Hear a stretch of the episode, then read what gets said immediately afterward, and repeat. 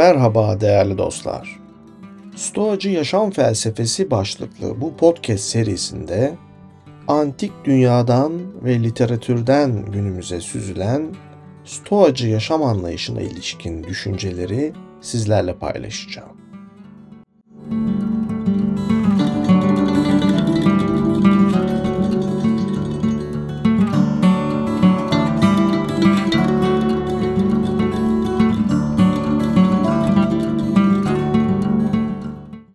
Stoa felsefesi genellikle bireyin felsefesi olarak görülür. Bireyin içsel mutluluğu ana hedeftir. Buna Latince'de tranquillitas animi yani ruhun dinginliği denir. Bu aynı zamanda Seneca'nın eserlerinden birinin başlığını oluşturur. Ruh dinginliği üzerine. Bu eserin başında Serenus isimli bir vatandaş Seneca'ya içinin sıkıldığını ve türlü gelgitlerinin olduğunu anlatır ve yaşadığı ruhsal huzursuzluğun kaynağını sorar. Bazen öyle, bazen böyle düşünüyor olmasının, bazen erdeme, bazen kusurlara yöneliyor olmasının kendisi için büyük bir sorun teşkil ettiğini, tümüyle hasta olmasa da aslında ruhen kendini rahatsız hissettiğini söyler ve filozofumuz Seneca'dan yardım dilenir. Huzursuzluğunun kaynağını sorar. Seneca tüm eserini ona verdiği cevaptan oluşturur. Ona göre hem değişkenlikten, bıkkınlıktan ve sürekli hedef değiştirmekten rahatsız olanlar hem de güçten düşmüş, yarı uykulu olanlar hepsi aynı durumdadır. Buna bir de uykuya dalmakta zorlandığı için dönüp duranları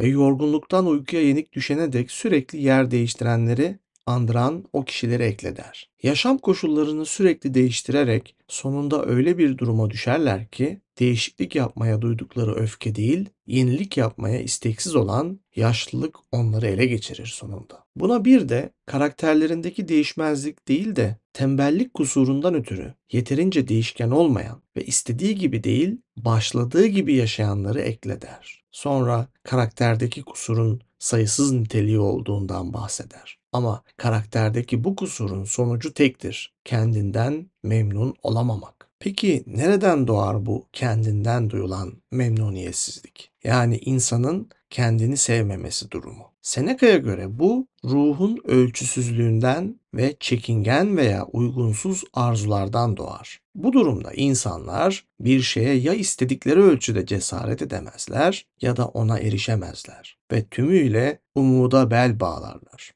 Bu kişiler her zaman kararsız ve değişken olur. Arada kalmış kişilerin başına bunun gelmesi kaçınılmazdır. Böyle kişiler arzularının gerçekleşmesi için her yolu dener. Onursuz ve zor şeylerden bahsedip kendilerini o şeyleri yapmaya zorlarlar. Çabaları karşılıksız kalınca da hiçbir şeye yaramayan bu utanç durumu onlara işkence eder ve yanlış bir şeyi diledikleri için değil, boşuna diledikleri için üzülürler. Sonra içlerine başladıkları o şeyle ilgili pişmanlık duygusu yerleşir ve yeniden başlama korkusu onları ele geçirir. Ardından arzularına ne hükmedebildikleri ne de itaat edebildikleri için hiçbir çözüm bulamayan ruhun bu çalkantısı, yolunu bulamayan yaşamın tereddüdü ve en sonunda da terk edilmiş arzular arasında uyuşmuş olan ruhun yani zihnin donukluğu baş gösterir. Böyle kişiler başarısızlıkla sonuçlanmış uğraşlarına duydukları nefretten ötürü kamu hizmetini amaçlayan, iş yapmaya hevesli ve doğası gereği yerinde duramayan bir ruhun katlanamayacağı inzivaya ve saklı çalışmalara sığındıklarında bu duyguların hepsi daha da ağırlaşır. Çünkü böyle bir ruh kendi içinde teselli bulamaz. Bu yüzden bu kişiler meşgul oldukları işlerin kendilerine sağladığı keyiflerden mahrum kalınca evlerine, evlerinin duvarlarına, yalnızlıklarına katlanamaz hale gelirler ve sosyal yaşamda bıraktıkları şeye nefretle bakarlar. Seneca'ya göre insanın ruhu doğası gereği atılgandır ve harekete eğilimlidir. Her türlü canlanma ve kapılıp gitme fırsatı onun hoşuna gider. Dolayısıyla doğasına aykırı bir şekilde atıl kalınca yani hareketsizlikten bunalınca kendisini mutsuz hisseder. Tüm arkadaşların partiye çağrıldığında senin es geçilmen gibi. Herkesin çağrıldığı bir konserde bulunmuyorsun. Herkes eğlenirken sen evinde oturuyorsun. Modern insanın sosyalleşememe kaygısı ve mutsuzluğu adeta Seneca'nın eserinde gündeme getirilir. İçsel huzursuzluğun kaynağı temelde topluma karışamamakla ilgilidir. Latince'de societas Türkçe'ye sosyete olarak geçmiştir ve Batı dillerinde toplum veya topluluk olarak da çevrilen bu sözcük birlik, beraberlik ve bütünlüğü ifade eder. Birlikte olmak önemlidir ama özellikle de insanın diğer insanlarla birlikte olması önemlidir. Hatta Stoacıların kiniklerden miras kalan kozmopolis anlayışı yani evren kent anlayışı göz önünde bulundurulursa sadece insanın insanla değil, insanın tanrılarla, insanın hayvanlarla, insanın bitkilerle, insanın evreni oluşturan tüm unsurlarla birlikteliği bir gerekliliktir. İnsan yalnız olmak için doğmamıştır. Yalnız doğmuştur ve yalnız ölecektir. Ama yalnız yaşamak onun kaderi değildir. Veyahut şöyle söyleyelim, yalnız yaşamamalıdır. Stoacı filozoflara göre bireyin erdemi onu toplumun mümkün olan en iyi üyesi yani hem kozmopolisin hem de içinde doğup büyüdüğü toplumun mümkün olan en iyi vatandaşı yapacak eğilimin kendisidir. Bu yüzden Stoacılar idealize ettikleri bilgenin toplum yaşamına katılacağını, evleneceğini ve çocuk yetiştireceğini söylerler. Toplumdan soyutlanmış, kulübede tek başına yaşayan, belki kendini tefekküre adamış olan filozof yani münzevi bilge tipi Stoacılara göre yanlıştır. Çünkü münzevilik insanın insanla ve az önce söylediğimiz gibi insanın evrenin diğer unsurlarıyla olan birlikteliğini baltalar. Salt düşüncede kalan birlik ve beraberlik ve diğer unsurlara duyulan sevgi anlamsızdır. Diğer unsurlara yönelik sevgi ve yakınlığın gösterilmesi gerekir. Bunun için de toplum yaşantısına katılmak önemli bir unsurdur. Stoacılara göre insan toplum yaşantısı için doğmuştur. Dolayısıyla insan aklı ancak bir topluluğun üyesi olduğunun ve bu nedenle bütünün iyiliğini bir parçanınkine tercih etmek zorunda olduğunun farkına varmasıyla eş zamanlı olarak devreye girer. Daha basit bir ifadeyle söyleyecek olursak, insan aklı bir bütünün parçası olarak kendini gerçekleştirecektir. İnsan aklı bütünün iyiliğini düşünmelidir. Bunu isteyen doğadır. Nitekim Stoacı Panaitios, doğa akıl yoluyla insanı insanla birleştirir der. Yani insanın insanla birleşmesinin de bir ölçüsü vardır. Salt birleşmek için birleşilmez. Yaşamdaki ortak bağları ortaya çıkarabilmek için insanın insanla temasının akıl yoluyla gerçekleşmesi gerekir. Bunu bize buyuran doğanın kendisidir. Yine doğa insanları kamusal toplantıları ve festivalleri onaylamaya ve bunlara katılmaya, kendileri, çocukları ve değer verdikleri herkes için toplumsal ve kültürlü bir yaşamın malzemelerini toplamaya teşvik eder. Stoacılara göre bunun için gerekli olan şey sevgidir. Onlara göre insanları ve her şeyi içinde barındıran dünya devleti ne güçle ne de devlet kurnazlığıyla bir arada tutulur. Dünya devletini bir arada tutan şey iyi niyettir. Kurucu baba Zenon'a göre böyle bir dünya devletinde sevgi tanrıdır ve kenti güvenli kılmak için bir yardımcıdır. Bu sevgi ve dostluk duygusu bilge insanlar arasında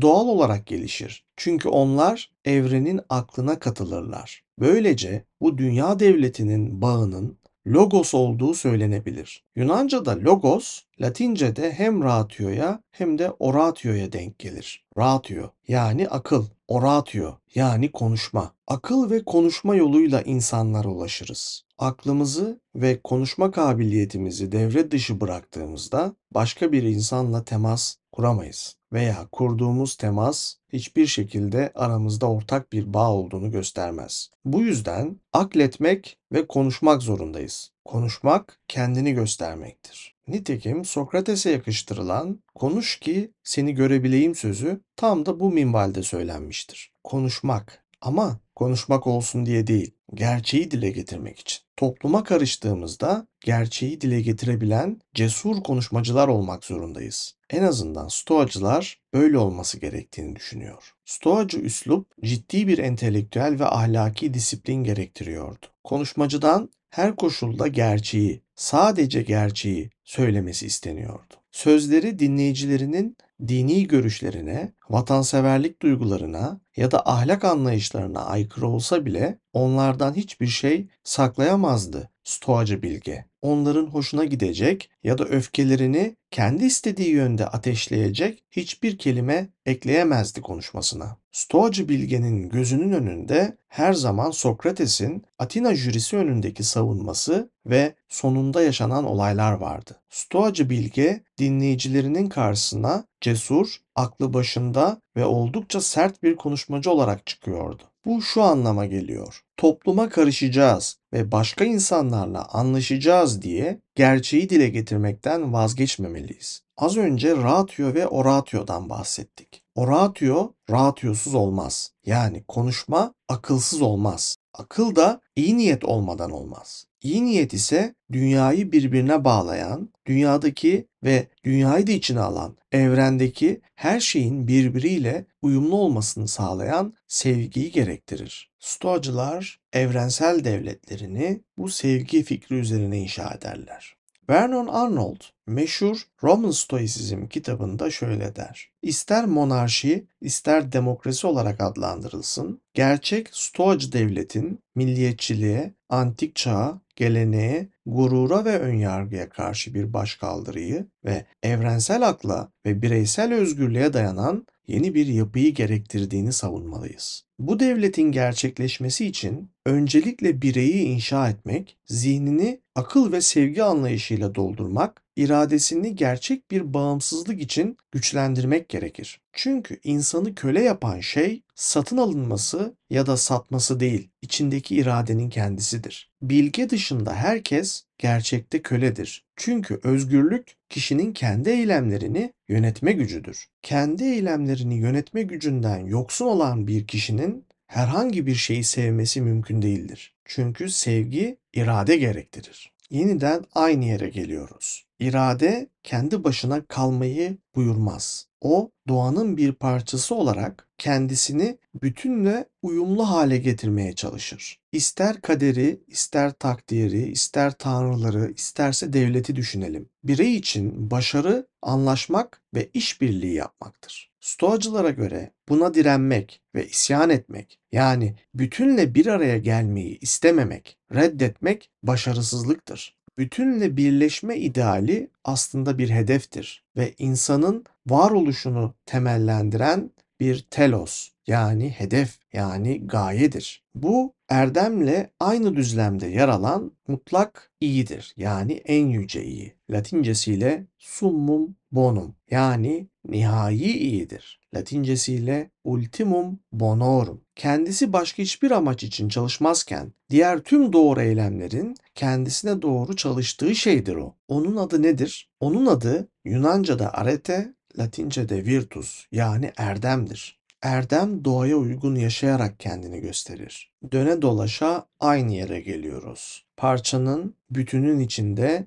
diğer bütün parçalarla uyumlu halde olması. Parçanın diğer parçalarla olan uyumsuzluğu çok büyük bir sorundur. Hem parçanın kendisine hem diğer parçalara hem de bütün parçaları bir araya getiren bütüne zarar verir. Erdem bu kötü senaryoya izin vermez. O birçok şey değil, tek bir şey olduğu için bir insanın hayatını tutarlı bir bütün haline getirir ve kalabalığın değişen ve kararsız yollarıyla keskin bir tezat oluşturur. Çoğunlukla birlikte olmak, çoğunluğun kararını kabul etmek demek değildir. Birey erdem sayesinde yanlışlarla dolu bir toplum içinde kendi yaşamını tutarlı kılabilir. İstikrarlı bir hareket tarzını benimseyebilir. Kendi içindeki tutarlılığıyla bir ruh huzuruna erebilir veyahut dinginliğine. Nitekim erdemin karşıtı kalabalık içindeki insanın bitmek bilmeyen huzursuzluğu ve kararsızlığıdır. Bunlardan kaçınmak gerekir, insanlardan değil. Bu yüzden Seneca Ruh Dinginliği Üzerine adlı eserinde şöyle der. Biz yüce bir ruhla kendimizi tek bir kentin duvarları içine hapsetmedik. Aksine bütün dünya ile bağlantı içine girdik ve erdemimize daha geniş alan tanınsın diye dünyayı kendimize vatan kıldık. Böyle bir dünyada ne olursa olsun yaşamaya devam etmek zorundayız.